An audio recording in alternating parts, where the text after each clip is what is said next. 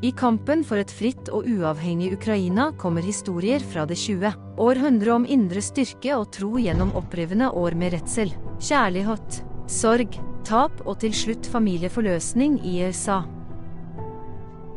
Ninas århundre gamle memoarer fra livet hun opplevde under Lenin, og deretter Stalin, er uhyggelig profetiske om hva ukrainere opplever i dag under Putin. Til tross for sin historie som en suveren republikk, har diktatorene i Russland alltid kjempet for å holde sin hensynsløse behandling av Ukraina skjult gjennom mestermanipulasjon, propaganda og brutal undertrykkelse. Dette er hennes memoarer. Folkens, hvorfor er dere så redd for å marsjere i deres egen parade? Skrevet av Nina Sorosjenko. Fortalt av hennes oldebjørn, Maja Polsly. Jeg husker, som om det var i går, de dystre, dystre, forutsigbare dagene med herlig feiring. Disse spontane manifestasjonene som identifiserer dagene for nasjonaljubileet i Sovjetunionen. Et slikt rush av dager. 23. Februar Red Army Day. 8. Mars Kvinnediggen.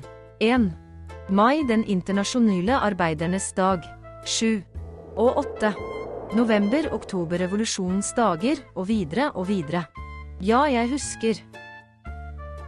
Som emigrant fra Sovjetunionen, og som borger av disse USA, er jeg i stand til å snakke fra to sivilisasjoners perspektiv og innse hvordan hver enkelt manifesterer seg gjennom sine parader. Disse feiringen av nasjonal bevissthet. En parade er absolutt en nasjon i mikrokosmos.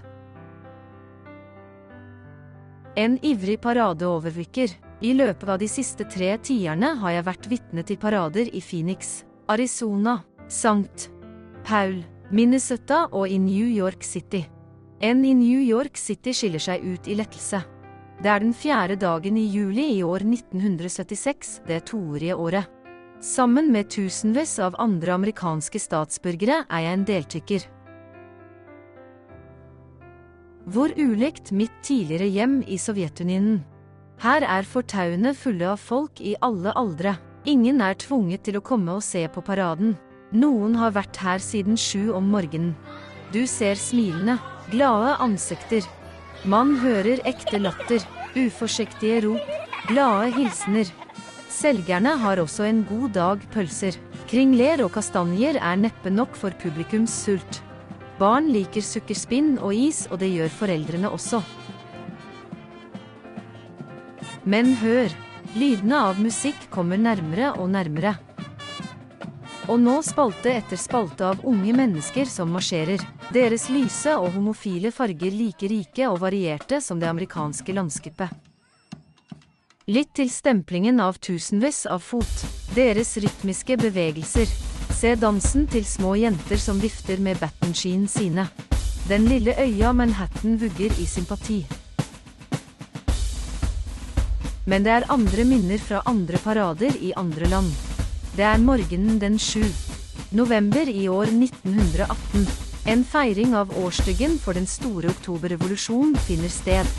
Hver av oss, hver borger av Sovjetunionen, fra små barn til de aller gamle, alle mennesker i de såkalte frie republikker under støvelen til de store revolusjonens fedre og ledere i Moskva forventes å feire i disse dager. Dette skal bli nok en spontan manifestasjon, men slagerne, musikken, sangene og paraderuten har alle blitt arrangert av kommunistpartiet. For en som lever i et fritt samfunn er dette umulig å tenke seg, men i Sovjetunionen ble livet, arbeidet, Planene og beregningene i hver industriell enhet, i hver militær enhet eller skole eller kontor kontrollert, og er nå kontrollert av partiet.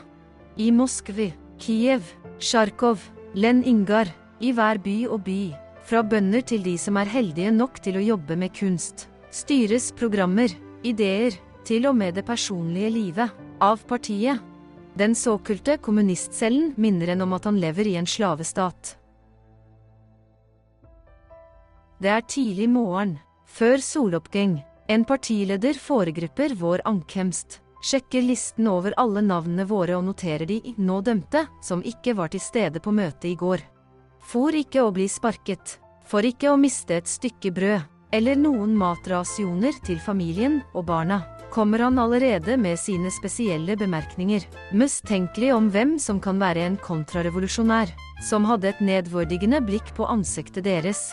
Hvem vet, kanskje du allerede er dømt til å gå nedover den forferdelige banen til GPO, AKA, UNKVD, Sjeka, hemmelig politi. Vi våkner mye tidligere enn på arbeidsdigger.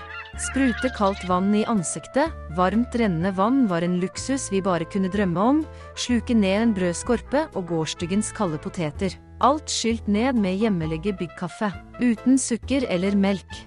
Vi tok på oss de slitte klærne, våre dresser, kjoler og kåper som nå er år gamle, nå endret, til og med farget en ny farge for anledningen. Øyeblikk senere skynder vi oss til våre steder på gatehjørnet, hvor enheten vår samles.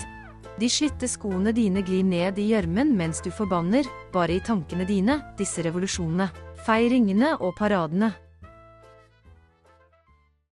I begynnelsen av november, i Ukraina, er dagene allerede kalde. Et styrt regn, etterfulgt av snøbyger. Himmelen er grå, tung. Vi er sultne og slitne, beseiret, men må skjule dette bak evige smil. Laget for partilederen. Han står der notatbok i hånden, og forteller oss om dagen og oppførselen vår. Han går foran radene i enheten sin og leser ansiktene våre nøye. Han, eller hun, ofte er det en kvinne, er kald selv, men fortsatt ikke like sulten som oss, og han er varmere og bedre kledd. Hans oppdrag er å håndheve partidisiplin. Vi vet i våre hjerter at han står mellom oss og forhør, tortur, eksil til Sibir og til og med døden.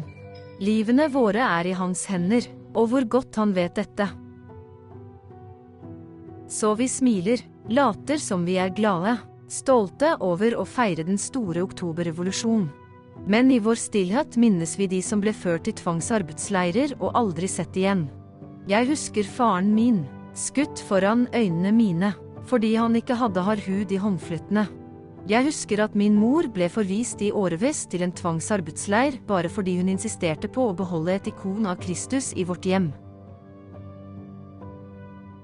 Jeg hører noen si, Hei venn, øynene dine er fylt av tårer. Tørk dem raskt før han legger merke til det. Han er nær. Så vi står time etter time og venter på kommandoene våre. For å drepe tid for å muntre deg selv eller vennen din opp. Hvis du er en person med sans for humor. Hvis komselmannen ikke er i nærheten. Hvis du er sikker på at naboen din som står i nærheten ikke er en agent for Sjeka-hemmeligheten-politiet. De er spredt overalt, du hvisker noe morsomt til vennen din. Alltid forsiktig så du ikke nevner navnene på våre store ledere. Plutselig starter musikken. En modig triumferende marsj for den sovjetiske røde hæren. Melodien og ordene er alle godkjent av partiet. Kolonnen vår begynner å bevege seg. Til å begynne med er trinnet normale, til og med sakte. Trinn for trinn, de andre kolonnene beveger seg raskere, og det er litt forvirring. Trinnet strekker seg lenger og lenger, og raskere, de tråkker allerede ned i gjørma og spruter over vanndammene og brosteinene. Folk er andpusten, spesielt gamle og syke. Kveler, svetter i kulden. Men du gir deg ikke, du holder tritt med dette forferdelige løpet. Lederen for gruppen din, kolonnelederen, løper først. Hvert sekund ser han seg over skulderen til gruppen sin. Samt vi galopperer. Han smiler. Han vet at hvis folket hans ikke løper i en organisert stil, ikke snur hodet, smiler til stedet der fedrene våre, våre store ledere, hilser kolonnene til glade sovjetborgere at han vil bli straffet eller sparket, eller satt på en spesiell liste. Vi løper fremover, lenger og fortere, smiler lysere, slagder høyere. Vi nærmer oss plattformen til kommunistpartiets dignitærer og styrker oss selv, står høyere og utveder smilet vårt for disse høyeste statsmenn, for disse kjærlige fedrene, for disse partimennene, medlemmer av det politiske byrået. AKA det øverste politikkutformende organet til kommunistpartiet. I forbifarten ser spaltisten at de er glade en slik spontan manifestasjon av kjærlighet og hengivenhet for Maud og Russland. Jobben hans er trygg, i hvert fall foreløpig. Vi er endelig på slutten av reisen. Tom for plass og smil ene forsvinner fra våre utslutte ansikter. Vi er slitne, kalde, utslutte, men snart fri fra partiet, politbyrået, spaltisten og alle slyngler, om så bare for en liten stund. Senere samme kveld skal de delta på en uverdådig fest hvor det blir servert kaviar og fat med vodka.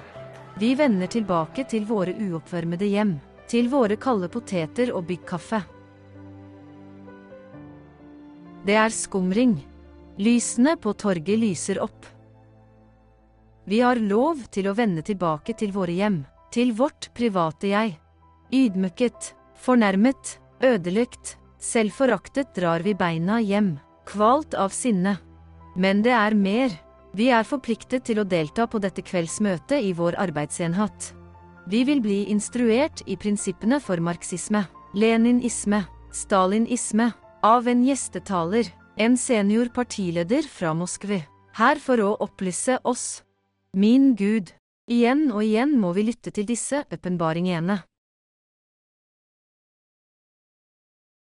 Vel, i kveld, i stedet for å være hjemme med familiene våre, med de vi elsker, hvile etter denne dagen med indignasjon, vil vi møtes i rådhuset for å bli minnet på at vi virkelig er slaver.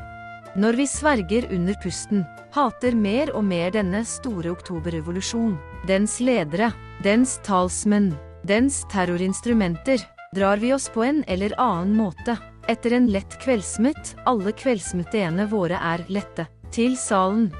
Vi går inn. Partybandet spiller The International. Vi tar av oss kappene og skjerfene og synger hymnen. Denne sangen for bønder og arbeidere. Det er ingen andre sanger eller musikk enn de russiske høytidene, som uttrykker Stalins fedre, folkets elskede ledere.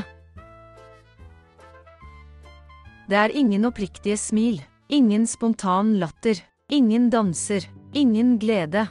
Det er ingen forfriskninger, Ingen kaviar og vodka, bare lukten av svette og grov, våt ull, stanken av fortvilelse. Jeg la merke til at naboen min, en hyggelig mann som jobbet på skolen vår, sang den internasjonale salmen med et så strålende, patriotisk uttrykk i ansiktet som så ekstremt glad ut. Jeg kjente ham godt, han var veldig kritisk til alle grusomhetene til sovjetregimet. Han var en stor, høy mann, han hadde en god, dyp bassstemme, men da jeg sto nær ham, kunne jeg ikke høre den laveste hvisken av en lyd. Han åpnet og lukket munnen i takt med melodien og ordene til Internasjonalen. Men han sang aldri.